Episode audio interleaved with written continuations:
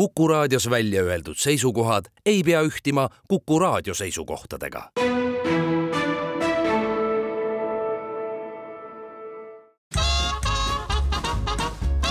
jäljed gloobusel tervist, kallid kuulajad, Väino Laisaar ja Andres Karu tervitavad teid nüüd Kuku stuudiost ja novembrikuu teises saates teeme jälgi edasi riiki, kus eelmine kord pooleli jäime. tere, Väints! tere, Karu ja tere, hää kuulaja riigiks, millest me räägime, on siis Türgi ja kui eelmises saates me saime Türgi pinna peale maha ühe jala me rääkisime kõikvõimalikke põnevaid lugusid, siis nüüd proovime saada maha ka teise jala ja, ja tegelikult enne kui me hakkame karuga nüüd sinna selle maailmakuulsa Ararati otsa ronima, mis on armeenlastelt ära võetud ja, ja mis võib-olla paljudel meie kuulajatel resoneerub mõtetes hoopis vahva konjakiga või siis konjakilaadse joogiga, onju mm. -hmm. siis ma igaks juhuks kordan ära natukene informatsiooni Türgi kohta ka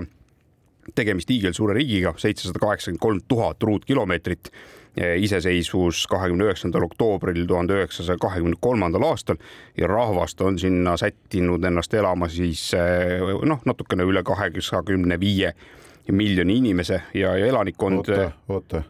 kas see tähendab tõesti siis seda, et äh, me saame siin äh, Türgi rahvast äh, õnnitleda äsja-äsja olnud sajanda iseseisvuse aasta täitumise puhul, mis oli nüüd oktoobri lõpus. palju õnne, Türgi, palju õnne, võib-olla nii küll, kusjuures kui ma nüüd, kui sa nüüd niimoodi nagu tõstatasid selle teema, siis mul ei tule küll meelde, et uudistest oleks Äh, läbi käinud. no pole hullu. aga ma olen ka varem eksinud ja, ja ega see Türgi nüüd selles mõttes minu eksimuse tõttu või, või õige olemise tõttu kuidagimoodi rikkamaks või vaesemaks no,. niimoodi on internetis on kirjas, et siis vot ja, ja rahvas jaguneb seal siis niimoodi, et selline seitsekümmend kuni seitsekümmend viis protsenti eh, on eh, türklased, eh, suurim vähemusrahvus üheksateistkümnenda protsendiga on siis kurdid, on araablasi, kreeklasi, armeenlasi, bulgaarlasi, juute ja siis kõikvõimalikke teisi toredaid inimesi, kes on sinna eh, elama eh, sattunud. riigikeeleks on türgi ja valitsevaks religiooniks on islam ja eh, naabreid on tal siis tänu oma nii-öelda lokatsioonile maakera kaardi peal ja suurusele mm -hmm. igavene ports idas Gruusia, Armeenia, Aserbaidžaan ja Iraan, lõunas Iraak ja Süüria, noh natukene ebasõbralik Süüria, aga küll neil ka olukorrad ühe korra paremaks lähevad ja äkki siis ka mina saan oma jala sinna panna, praegu olen sõitnud umbes viiekümne meetri kauguselt mööda sellest eh, suur jõgi oli vahel, aed ka, olgugi et eh, minu teada praegusel hetkel Türgil eh, ei ole Süüriaga ühtegi avatud piiripunkti,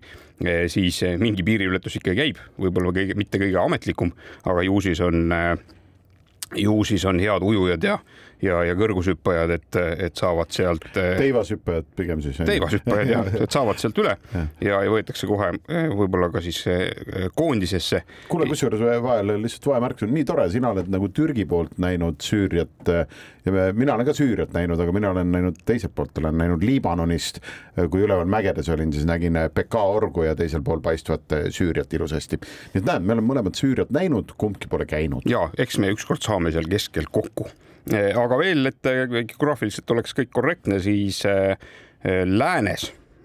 on tal siis sellised naabrid nagu Kreeka ja Bulgaaria ja Egeuse meri mis siis lisaks Mustale merele on siis nii-öelda teine külg ja tegelikult on nii, et, et seal vahepeal laiub veel üks merenimeline selline veekogu. aga selle nimi mul praegu hetkel ei tule meelde.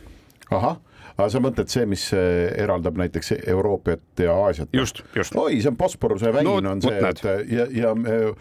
jumal tänatud, võib praegusel hetkel öelda Ukraina sõja taustal on ju, et äh, see on ju nii-öelda Mustalt merelt pääs Vahemerele ja sealtkaudu ookeanidele ja teistpidi siis ookeanidelt pääs on ju Mustale merele. et kuna Türgi õnneks on NATO liige, siis hoides Bosporuse väina kontrolli all ja mitte lastes Vene sõjalaevu sealt läbi, siis äh, nad saavad natukene aidata nii-öelda kaasa ka selle sõja pikkusele, õigemini, äh, et see ei oleks nii pikk. Ja ühe asja teeme veel kohe siin alguses selgeks, et oleks äh, teada siis, kui võib-olla paljud inimesed kipuvad arvama, et see Euroopa ja Aasia mandreid poolitav Istanbul ei ole teps mitte Türgi pealinn olgugi, et seal elab viisteist koma neli miljonit inimest ja see on vaieldamatult kõige suurem linn Türgis, siis tõeline pealinn on ikkagi Ankara oma viie koma kuue miljoni inimesega ja see on siis juba selline ütleme rohkem keset riiki asuv koht. Ja nagu me siin selles eelmise saate lõpus jõudsime ära rääkida, siis meile mõlemale on see Ankara jätnud pigem sellise toredama, huvitavama ja rohkem türgipärasema linna mulje kui näiteks hiigelsuur Istanbul. just, jäime pooleli siis ka selles, et Ararati mäe külje alla mina olin kohale jõudnud. noh, mägi, mis ei vaja nagu nime poolest kellelegi tõesti nagu tutvustamist. piibliaegades kõik mäletavad, et Noa ju, kui hakkas vesi lõpuks pärast suurt sadu hakkas alanema, siis esimene asi, kuhu üks lind läks ja maandus, oligi just äh, Äh, siis Ararati mäetipp, kuigi me nagu arutlesime seal äh, reisi käigus ka äh, sõpradega, et kuna Iraan ei ole kaugel ja teised, et noh, tegelikult oleks pidanud Iraani tamavand natukene varem välja tulema ja Venemaa Elbrus ja mis on sealkandis, nii et see on muidugi jälle tore paralleel, sest ka näiteks meie mõni saade tagasi räägitud Abruka on ju legendi kohaselt suure tõllu kaikus puujuurikaga surnuks visatud suure kure peale tekkinud mm. -hmm, jah, igatahes, aga noh, Ararat tõesti nimi on kõigile teada-tuntud ja, ja Pühamägi äh, paljude mägironijate üks kindel nagu to do, et see tuleb igal juhul ära teha ja väga paljud on sinna otse läinud. Äh, mäetipp ise, ta ei ole keeruline, et äh, enamus äh, sellest mäest on tagajalgade töö, lihtsalt tuleb panna jalg jala ette, aga kuna ta on viis tuhat ükssada kolmkümmend seitse meetrit kõrge, siis loomulikult päris nagu ühe hooga tippu ei tasu joosta, sest aklimatiseerumine tuleb kasuks ja meil oli muidugi kuna me läksime sinna, olime juba Elbruse nõlvadel käinud, mis on natukene kõrgem isegi, ehk siis äh, osad meie hulgast olid käinud juba kõrgemal kui, kui Ararat ise, ehk siis ja olime mitu ööd maganud ka nelja tuhande ühesaja meetri kõrgusel Elbruse peal, siis me, meil oli selline päris hea aklimatt ja läksime üsna julgelt selle Ararati suunas, seal äh, eelmine saade rääkisin ka, et on kommertsmäega tegemist, mis tähendab, et sul tuleb äh, leida teenusepakkuja, kes siis üldse sulle kogu selle paketi kokku paneb ja seda pakub ja meie leidsime siis selle Togu Beyaziti linna äh, lähedal. Leidsime siis Murat Camping, niisuguse koha. Ja see on nime saanud Murati enda järgi, kes on selle kämpingu omanik. Ja läksime tema kämpingusse, ta ise ei olnud kohal kuidas Karujärve kämpinguga on? Äh, omanik ei ole kohal praegu, et siis äh, Murat kämpingus äh, omanikku ei olnud, aga tema vend oli, ütles, et jah, et kahjuks jah, mul, et Murat ise, ise ei saa teid tervitada ja vastu võtta, et ta praegu on vangis just. ja siis noh, me saime aru, et see on tõesti nagu mõjuv põhjus, miks mitte meid tervitama tulla. Nii mööda minnes mingi töötaja käest küsisime ka, et mille eest siis Murat ka istuma pandi. Ja siis selgus, et kuna Iraani piir on lähedal ja sealt on võimalik nagu nagu salakaupa kõvasti üle tuua, siis äh, Murat oligi selle ees kinni, et oli, äh, oli just äh, nii-öelda vahele jäänud salakauba veoga Iraanist Türki või siis vastupidi, igatahes piiril ta maha võeti ja pidi natukene olema kinni, aga tema vennaga lõime nii-öelda diili lukku, kõik seal hobused veavad natuke varustust üles, džiibiga tuleb saada kuhugi sinna kahe tuhande neljasaja peale kaks laagrit on enne tippu, giidid, kokad, kõik asjad nagu täisteenus on ju, sulle pakutakse. Ja, ja niisugune vist kolmepäevane trip maksis mingi näost vist kolmsada nelikümmend eurot. ja kõik oleks olnud nagu väga tore, aga vot me liikusime üsna kiiresti ülespoole, üks Eesti grupp tuli kusjuures vastu, kes, kellel oli palju rohkem aega mäe peal olla, niisugused lumelaudurid, suusatajad, niisugune üle kümnene grupp rääkisid ja, ja ei, me siin lähipäevil veel ei lähe, et me chill ime natuke siin mäe, mäe peal. Ja siis me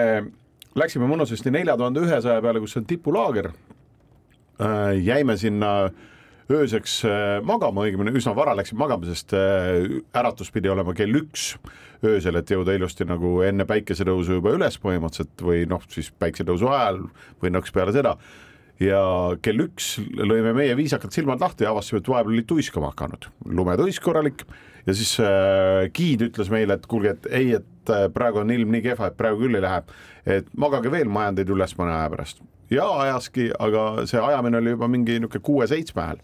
ja siis me ajasime kiiresti kargud alla, võtsime paar ampsu ja läksime ikkagi teele. Äh, kaasa tuleb võtta siis äh, seal üleval on niisugune viimane ots on siis niisugune nii-öelda noh, ta on ka ju vulkaaniga on tegemist, et noh, nii-öelda kraateri nurk, see, seda kraaterit ennast ei ole eriti nagu midagi alles või ta on osaliselt ka liustikku täis nii-öelda. et seal üleval on niisugune äh, liustikumüts on peas, nii et kui on jäisem ja järsem, siis äh, kassid igal juhul peavad olema saabaste küljes. aga noh, soovitame ka kirka võtta, kui juhuslikult peaksid lahti libisema, siis kirkaga saab ennast kinni äh, pidurdada, et muidu võib kõvasti viga saada. ja kui me siis tasapisi läksime, siis me saime aru, et meie meie see giid ei ole eriti heas vormis ja ei olnud seal tipus eriti palju rohkem käinud kui meie. nii et noh, täitsa suvaline võll põhimõtteliselt oli ja siis äh, meil oli ju aklimatt all, meil oli päris hea olla, nii et esiteks tal hakkas raske, sest meie tempo oli tema omast kiirem siis ta ühel hetkel äh, seal tuisus enam ei saanudki aru, et kuhu liikuda tuleb ja siis ma pean nagu endale ka tuhka pähe raputama, et no tegelikult äh, minu viga ka natukene, et äh, noh, kuigi tead, et sulle pakutakse täisteenust, siis üks asi, mis võiks alati olemas olla, et kaardid ja, ja niisugused navigeerimisvahendid, et juhul kui on ju spetsialist ei oska sind aidata, siis sa tegelikult saad üle võtta ja seda ma tookord ei olnud teinud. on aeg teha meie esimene väike reklaamipaus saate sisse jäljed gloobusel. nõnna, jälle paus läbi ja oleme karuga Türgis ja karu on teel mäe otsa, aga mulle praegu meenus üks lugu, et olgugi, et sina käidki mööda mägesid, siis Türgi on näiteks üks koht, kus me oleme ka spetsiaalselt läinud mäe otsa ja meil oli siis plaan see, et seal all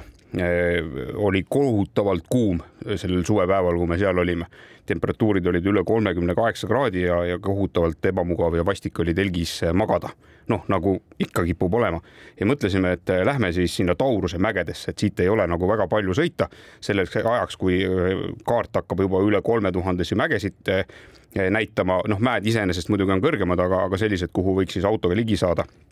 ja, ja panime siis sealt äh, lõunast äh, mere äärest kohe raginal mägede poole minema ja, ja kui me õhtul kohale jõudsime, äh, siis me olime tõusnud põhimõtteliselt null meetri pealt kolme tuhande kahesaja neljakümne nelja meetri peale ja jäime sinna ööbima, erakordselt äge sõitmine oli sinna ülesse, vahepeal oli teed väga kitsad, vahepeal kadusid justkui üldse ära, siis me sattusime mingite karjuste juurde kes olid tõenäoliselt terve elu seal mingisuguses mäekurus elanud ja, ja polnudki väga palju muid inimesi eh, oma elu jooksul eh, näinud. ja, ja noh, olgugi, et mul on, eh, kui ma nüüd ei eksi, neli, kuus, viis, viis on see kõrgusrekord Kõrgõzstanist Eh, mis on mul siis, eh, ei, see Tadžikist, Pamiri mäestikust on all, siis, siis pean tunnistama, et tegelikult see nullist ühe jutiga kolm, kaks, nelja, nelja peale tõustes, siis tegelikult juba kuskilt sealt enne kolme tuhandet hakkas juba hingamist kinni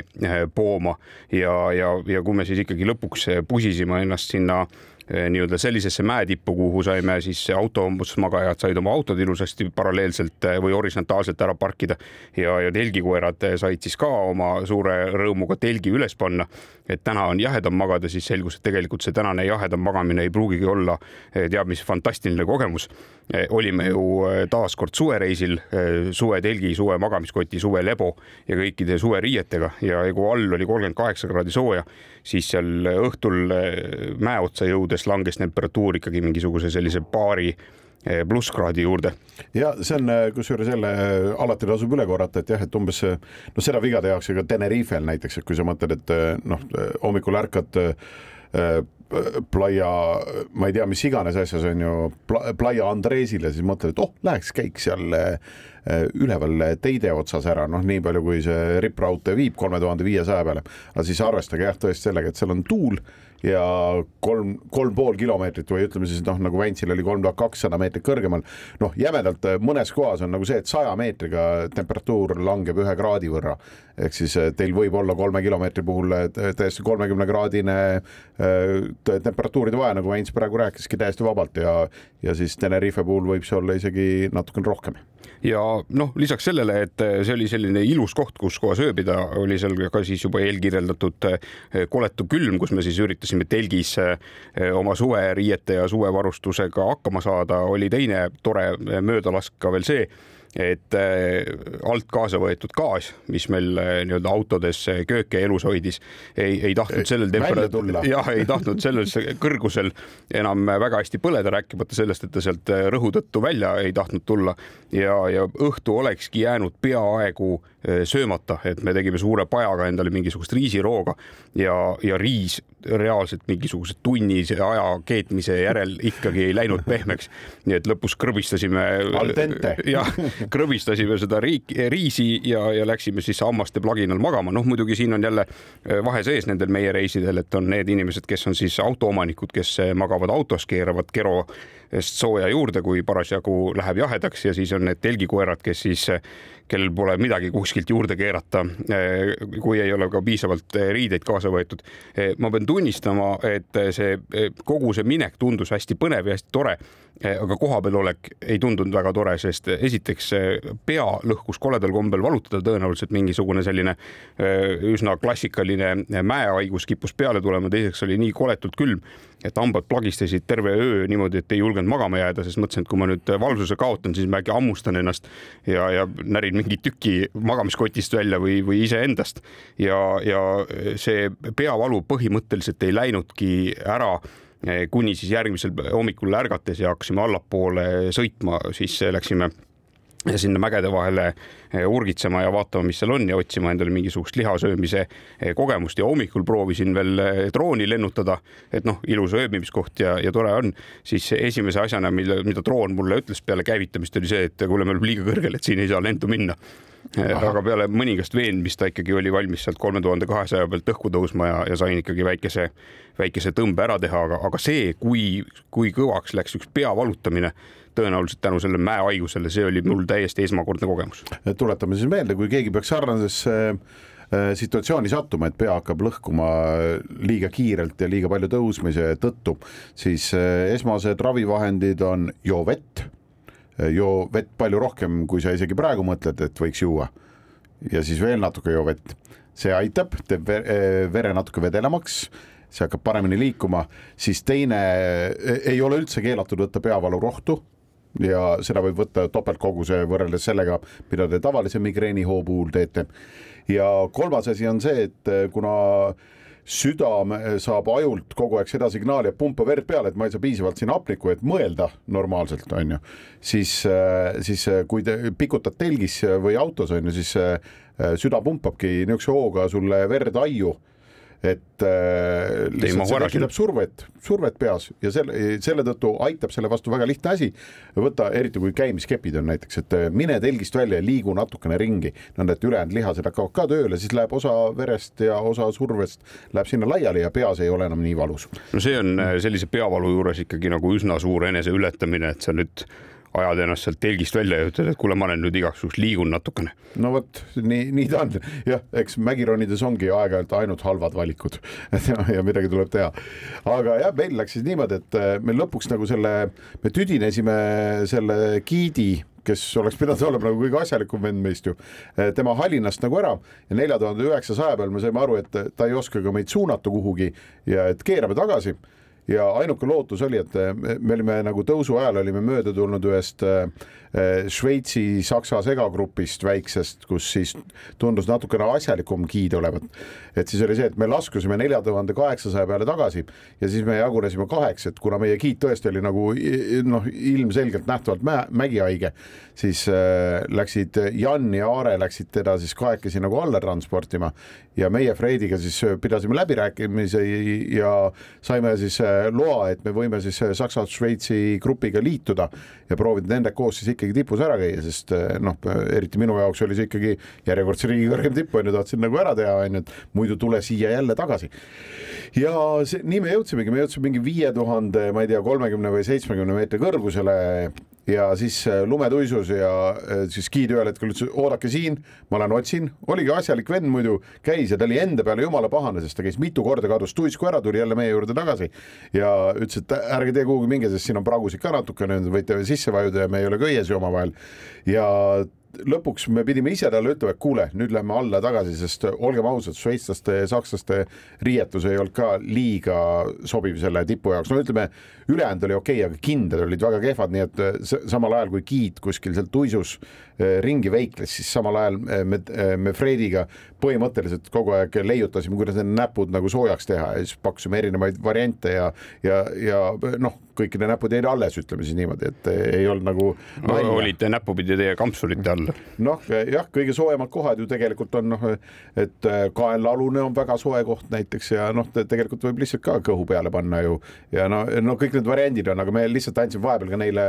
lihtsalt oma soojemad kindad ja panime nende eh, nii-öelda mitte nii soojad kindad panime kätte, ühtlasi soojendades nende kindaid üles ja meie käed olid soojad, on ju, et siis äh, soojendasime need üles, nemad said meie soojuse sealt soojematest kinnat, kinnastest. Ja siis, kui me andsime nii-öelda äh, soojana nende enda kindad tagasi, siis tükk aega oli nagu nad lasid selle peal nii-öelda veel liugu, nii et selle, nad kogu aeg oli kinnaste äravõtmine, kätte panemine, jagamine, tõstsime ümber ja siis äh, sellega tegelesime. Ja siis ütlesime tõesti sellele nende giidile, et et kuigi ta oli enda peale silmnähtavalt vihane, see oli talle esimene kord, kus tal ei õnnestunud tippu jõuda ja kliente viia, et me ütlesime, nüüd lähme alla, sest muidu on ohtlik kõik ja siis lõpuks laskusimegi. Ja kuna oli kuulda, et mingi järgmised päevad on ka mingi totaalne purgaa on ju ja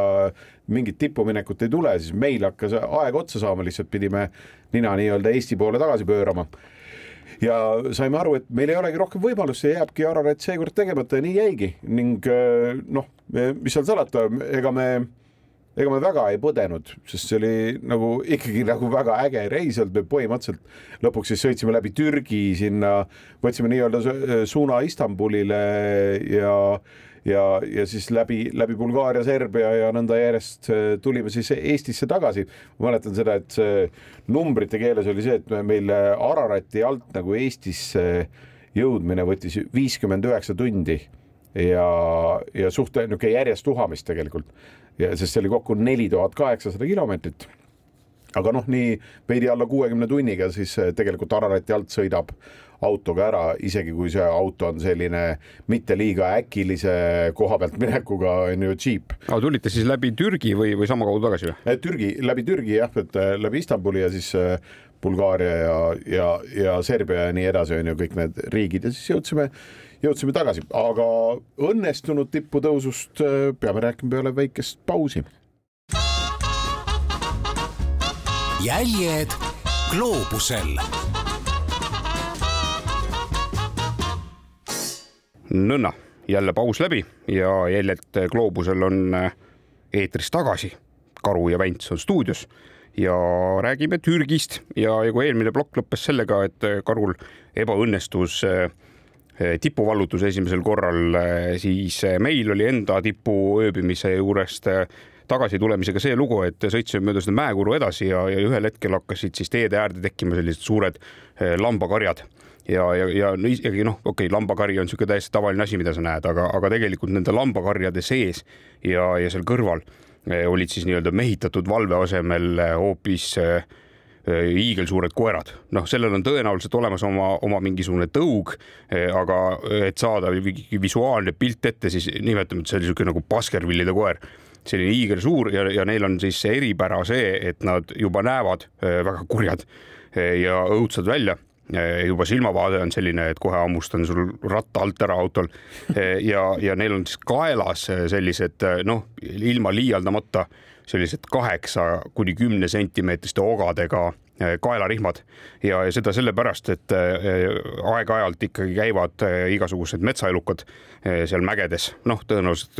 huntidel lisaks ka võib-olla mingisugused puumad või asjad neid lambaid sealt siis ära nokkimas ja, ja, ja koera asi on siis, siis just, siis, et, et siis, siis ei saa hundielukas koera kaelast pureda. Et siis on niisugune mingi meeletud ogad sinna pandud ja, ja koerad on muidugi siis sellised ka, et, et ega nad noh, seda turisti või suvalist inimest, kes sealt mööda sõidab üleliia nii-öelda sõbraliku pilguga ei vaata ja need alluvad siis tänu tõenäoliselt mingisuguse eridressuurile, mille nüanssidesse siin võib-olla nagu ei hakkagi maailma aususe ja, ja hea tuju nimel minema. aga kui no, me sellest. nii palju, nii palju võin öelda, et mina olen märganud, et väga kurja karjakoerad see sarnastes maades ikkagi üks asi, millele nad reageerivad, on see, kui inimene kükitab ja teeb käega nagu võtaks kivi maast, siis ka kõige kurjem koer Äh, on kuri edasi, aga distantsilt ja, ja, ja noh, hiljem nendest kogemustest rääkides, siis me selle viimase reisi käigul, kui me seal läbi Türgi ikkagi sinna Iraaki sõitsime, siis me selle reisi abistamise erinevate nüansside käigus tutvusime siis eh, väga sõbralikult eh, toonaste Türgi saatkonna inimestega, Harli ja, ja Anneliga siis Harlil näiteks. Nad on täna nüüd mõlemad suunatud tööle Ukrainasse, nii et nad toimetavad seal mm -hmm. saatkonnas. aga toona nad olid veel Türgis ja siis Harli rääkis, et tema on soovinud endale ühe sellise koera võtta, aga, aga see koera tõug pidi olema nii spetsiaalne, noh, kergelt nagu endeemiline, et, et seda ei tohi riigist eh, välja viia. nii et, et ta pidi siis vaatama, et kas ta leiab endale mingisuguse sellise pussaka, mis on mõne eh, teise mitte tõukoeraga kuidagi risti läinud, et, et noh, saab, saab sellise koera, mida mida tohib sealt kaasa võtta, et peab Muhu saarel lambaid. noh, ma saan aru, võib-olla seal nii palju hunte pole, et, et sellist koera vaja on, aga noh, kui koer meeldib, ega, ega inimest keelata saa, on ju ja, ja, ja lõpus siis oligi niimoodi, et mõnes kohas me ei julgenudki autost välja minna, et minna siis sinna lambakarjuse juurde, kui me inimesi nägime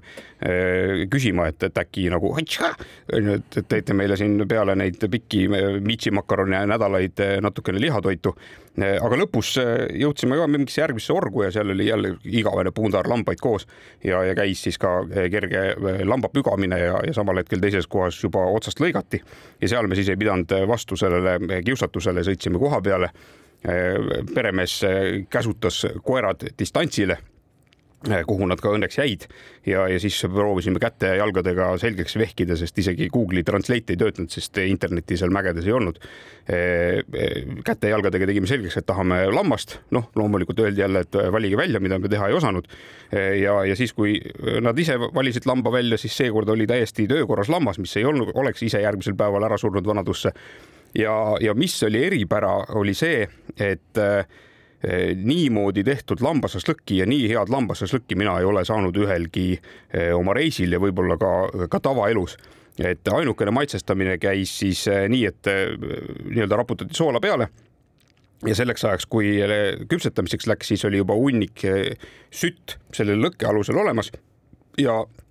ja see liha pandi varrastega lihtsalt otse sinna süte peale, mitte mingite kivide peale, mis teda süte kohal hoiaks, aga lihtsalt süte peale.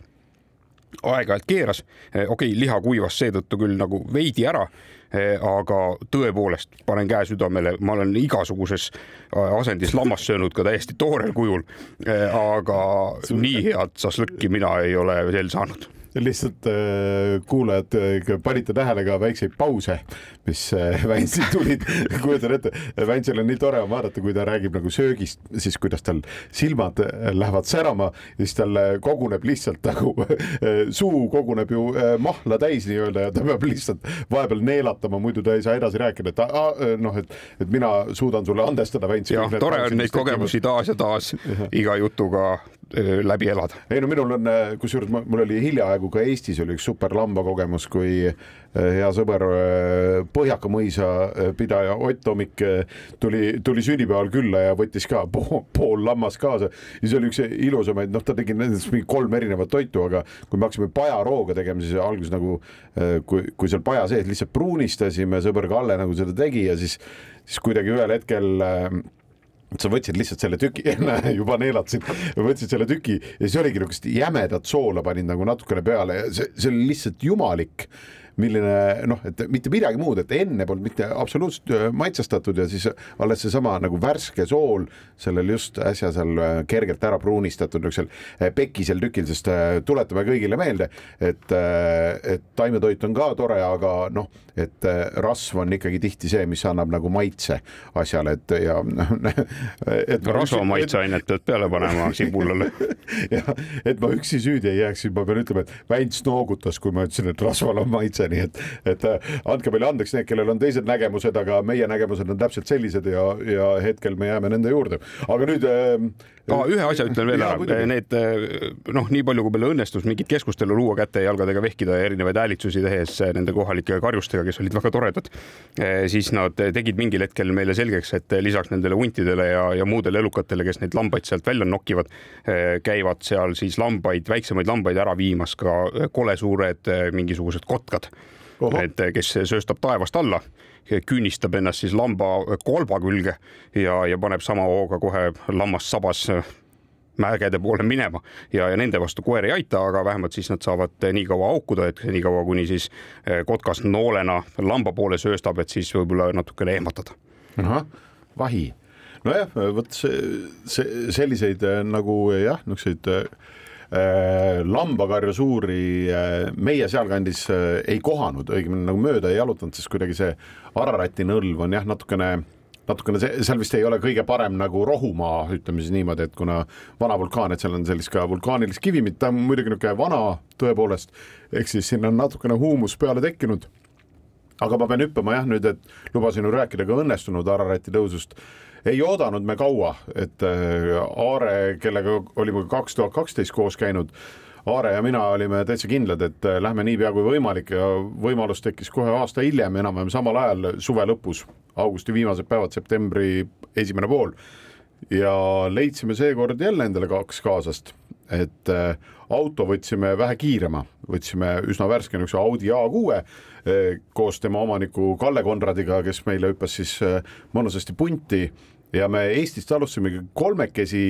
ja seekord vurasime siis tõesti nagu teistpidi, et ei läinud nagu kuskilt sealt äh, Ukrainat ja, ja Venemaad avastama, vaid äh, panimegi läbi, läbi nii-öelda Ida- ja Lääne-Euroopa riikide, äh, läbi Istanbuli, läbi terve, vurasime mõnuga läbi terve, terve Türgi, käisime ka Gruusias, sest me tahtsime ära käia Batumis ja Svanetias. Ja, ja siis sealt ühtlasi me võtsime peale ka Georgia, siis Georgiast võtsime äh, peale ka meie neljanda liikme äh, piloodiametit pidava Veiko, kes siis, äh, temal oli lihtsalt kõige toredam, ta ei tahtnud meiega nii-öelda kaasa veereda, vaid ta ütles, et ei no ma saan neid lennupileteid saan päris normaalse hinnaga, et et öelge lihtsalt, millal ma kus pean olema ja olen kohal, on ju, siis äh, kohtusime temaga Svaretias ja siis Georgiast juba liikusime üheskoos peale väikest kolme tuhande peale tehtud aklimatiseerumistõusu, liikusime tagasi Türki ja seal siis Äh, noh, põhimõtteliselt võib öelda, et astusime sama reha peale, ehk siis me läksime uuesti sinna Murat kämpingusse. Äh, peremees Murat oli vahepeal vangist välja saanud, et ju selle salakaubaveo eest siis liiga pikalt nagu ei pea istuma. ja siis äh, me kutsusime ta endaga ka laua taha, on ju, pärast viisakusavaldusi rääkisin talle nagu ausalt ära ka, et Murat, et vot sa siin eelmine aasta siin teatud põhjustel ei olnud kohal, aga vot meil siin juhtus selline asi, et võtsime, näed, teenuse sinu käest ja vot giid niimoodi kustus ära ja oli näha, et ta ei olnud seal väga käinud, et eh, me ei tahaks, et selline asi kordub. ja siis Murat vabandas, ütles tõesti väga kahetsusväärne juhtum ja ja mind tõesti ei olnud kohal, et äh, pole tähtis, miks, aga noh, et ma, ma ei saanud olla ise ja siis äh, siis, et seekord te saate parima tiimi nagu, mis üldse võimalik ja, ja selle, selle noh, lõime nii-öelda käed selle peale usaldasime ja uskusime peremehe sõnu ja läksime oma telki magama selleks, et järgmine päev jälle alustada retke üles Ararati poole, aga sellest juba pärast väikest reklaamipausi. jäljed gloobusel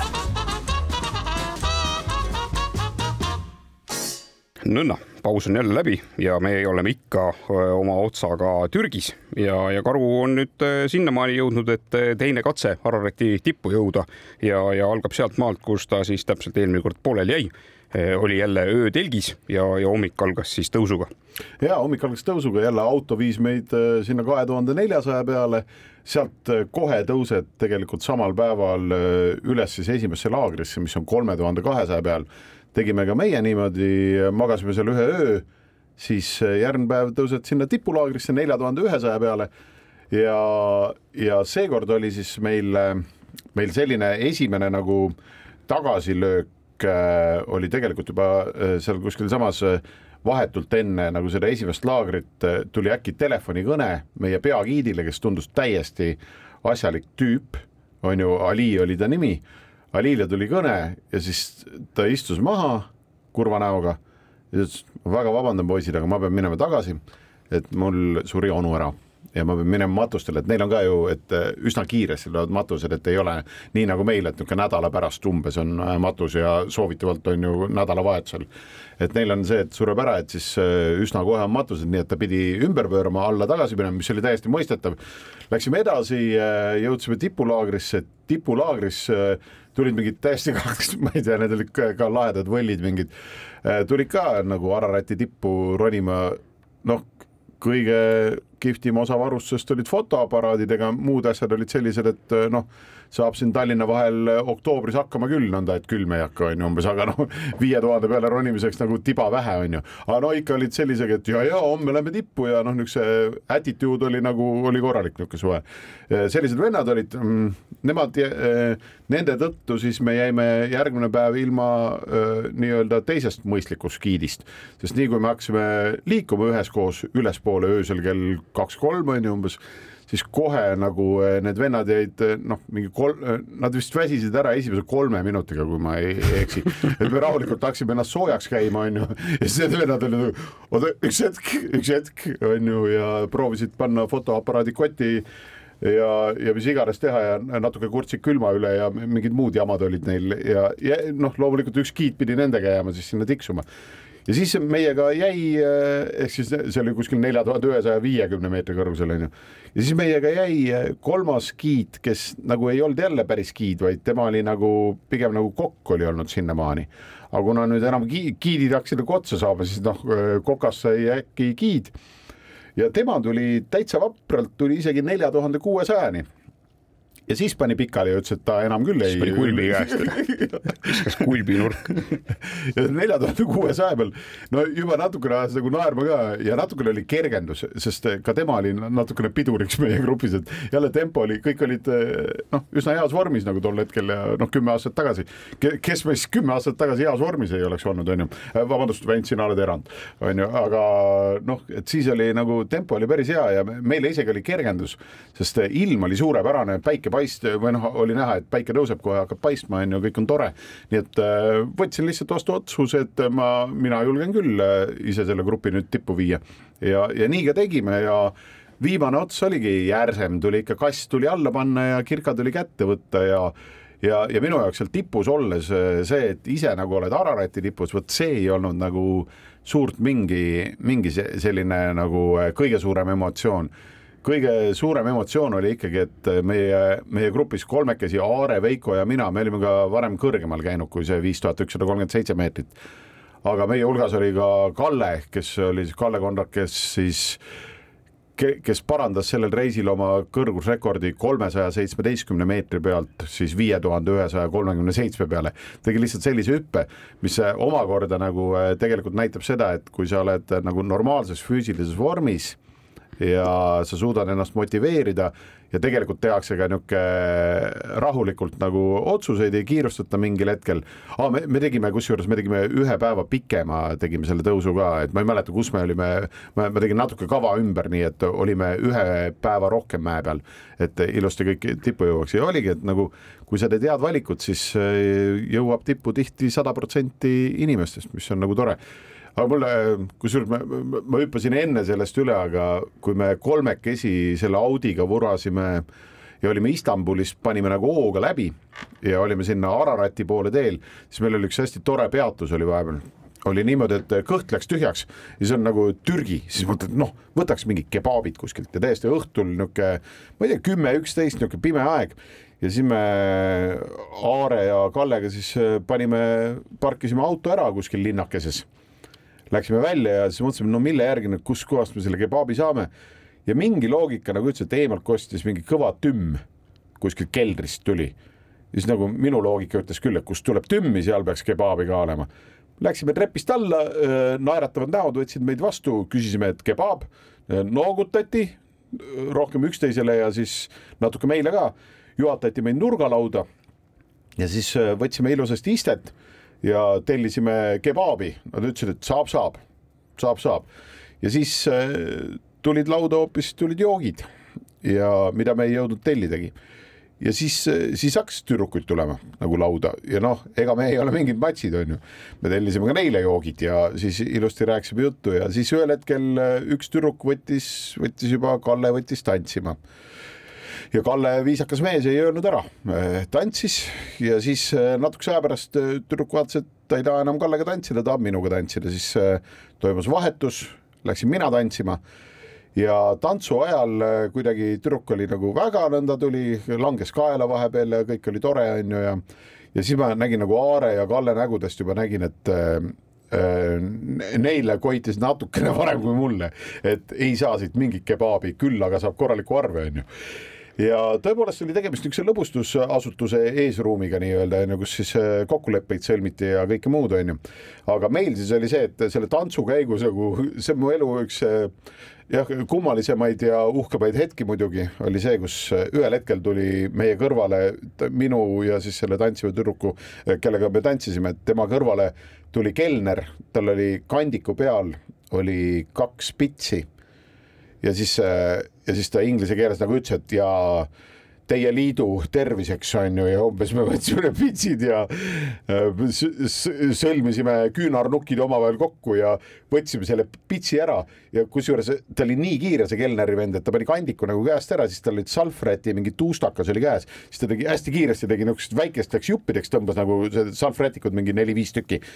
Ja kõrval oli ventilaator ja siis ta viskas need sinna ventilaatori ette nagu, no need ventilaator puhus need nagu laiali niisugune nagu suurte lumeräitsakatega lumesadu tekkis sinna keldripaari nii-öelda ja osaliselt noh, kattis ka meid ja siis noh, rahvas ka kõrvalt laududes veidi iroonilise näoga plaksutas ja noh, niisugune, et ja noh, kõik mängisid nagu kaasa ja siis äh,, siis no,. sealt su pulmaisa töö alguse saigi jah, uue pruudiga läksime siis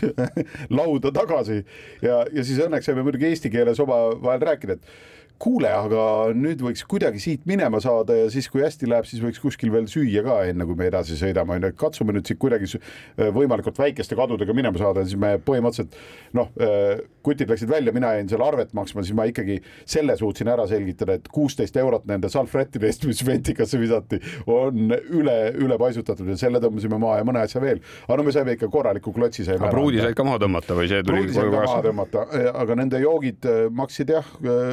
noh, umbes, et, et väike pits äh, napsu ikka oli noh, sama kallis kui, kui neli liitrit sedasama napsu kõrval asuvas poes no umbes nii, ja sihuke, sihuke lugu tuli meelde veel sealt. kuidas sul see, kuhu sa veel Türgis oled sattunud? no tegelikult äh, see esimene äh, Türgi reis, kui me läksimegi Türgit avastama, oli täis kõikvõimalike huvitavate ja, ja, ja ütleme ka selliste turismihõnguliste kohtade vaatamisi on ju. mida peab ütlema, on see, et Türgi on tegelikult sedavõrd suur riik ja seal on meeletus koguses kõikvõimalikku ajaloolisi kohti, kus käia, kus vaadata, kuhu jõuda. et noh, ütleme üksikuid asju siin hakata niimoodi välja tooma ei olegi võib-olla nagu päris õige, igaüks leiab endale, küll ma soovitan ja ütleme ikkagi sellise ringi hulkuja ja kondajana on see, et kui paljud inimesed jäävad pidama nendesse erinevatesse eh, kuurortitesse ja rannamõnusid nautima, siis, siis tegelikult soovitan minge sinna sisemaale, minge sinna mägedesse. Need on need kohad, kus kohtab täiesti fantastilisi inimesi. Ja, ja noh, lisaks sellele on seal ka fantastilisi kohti, näiteks üks kindlasti üks koht, mida eh, hinnatakse väga kõrgelt eh, turismisektoris on ka siis see Kapadookia mis on siis eh, lisaks seal olevatele sellistele eh, uuristatud mägedele, kus on siis eh, sadu ja tuhandeid inimesi maa all elanud, varjanud ennast igasuguste pahalaste eest ja, ja uuristanud endale erinevaid käike, on siis ka see maailmakuulus õhupallide lendamise asi, kui siis ikkagi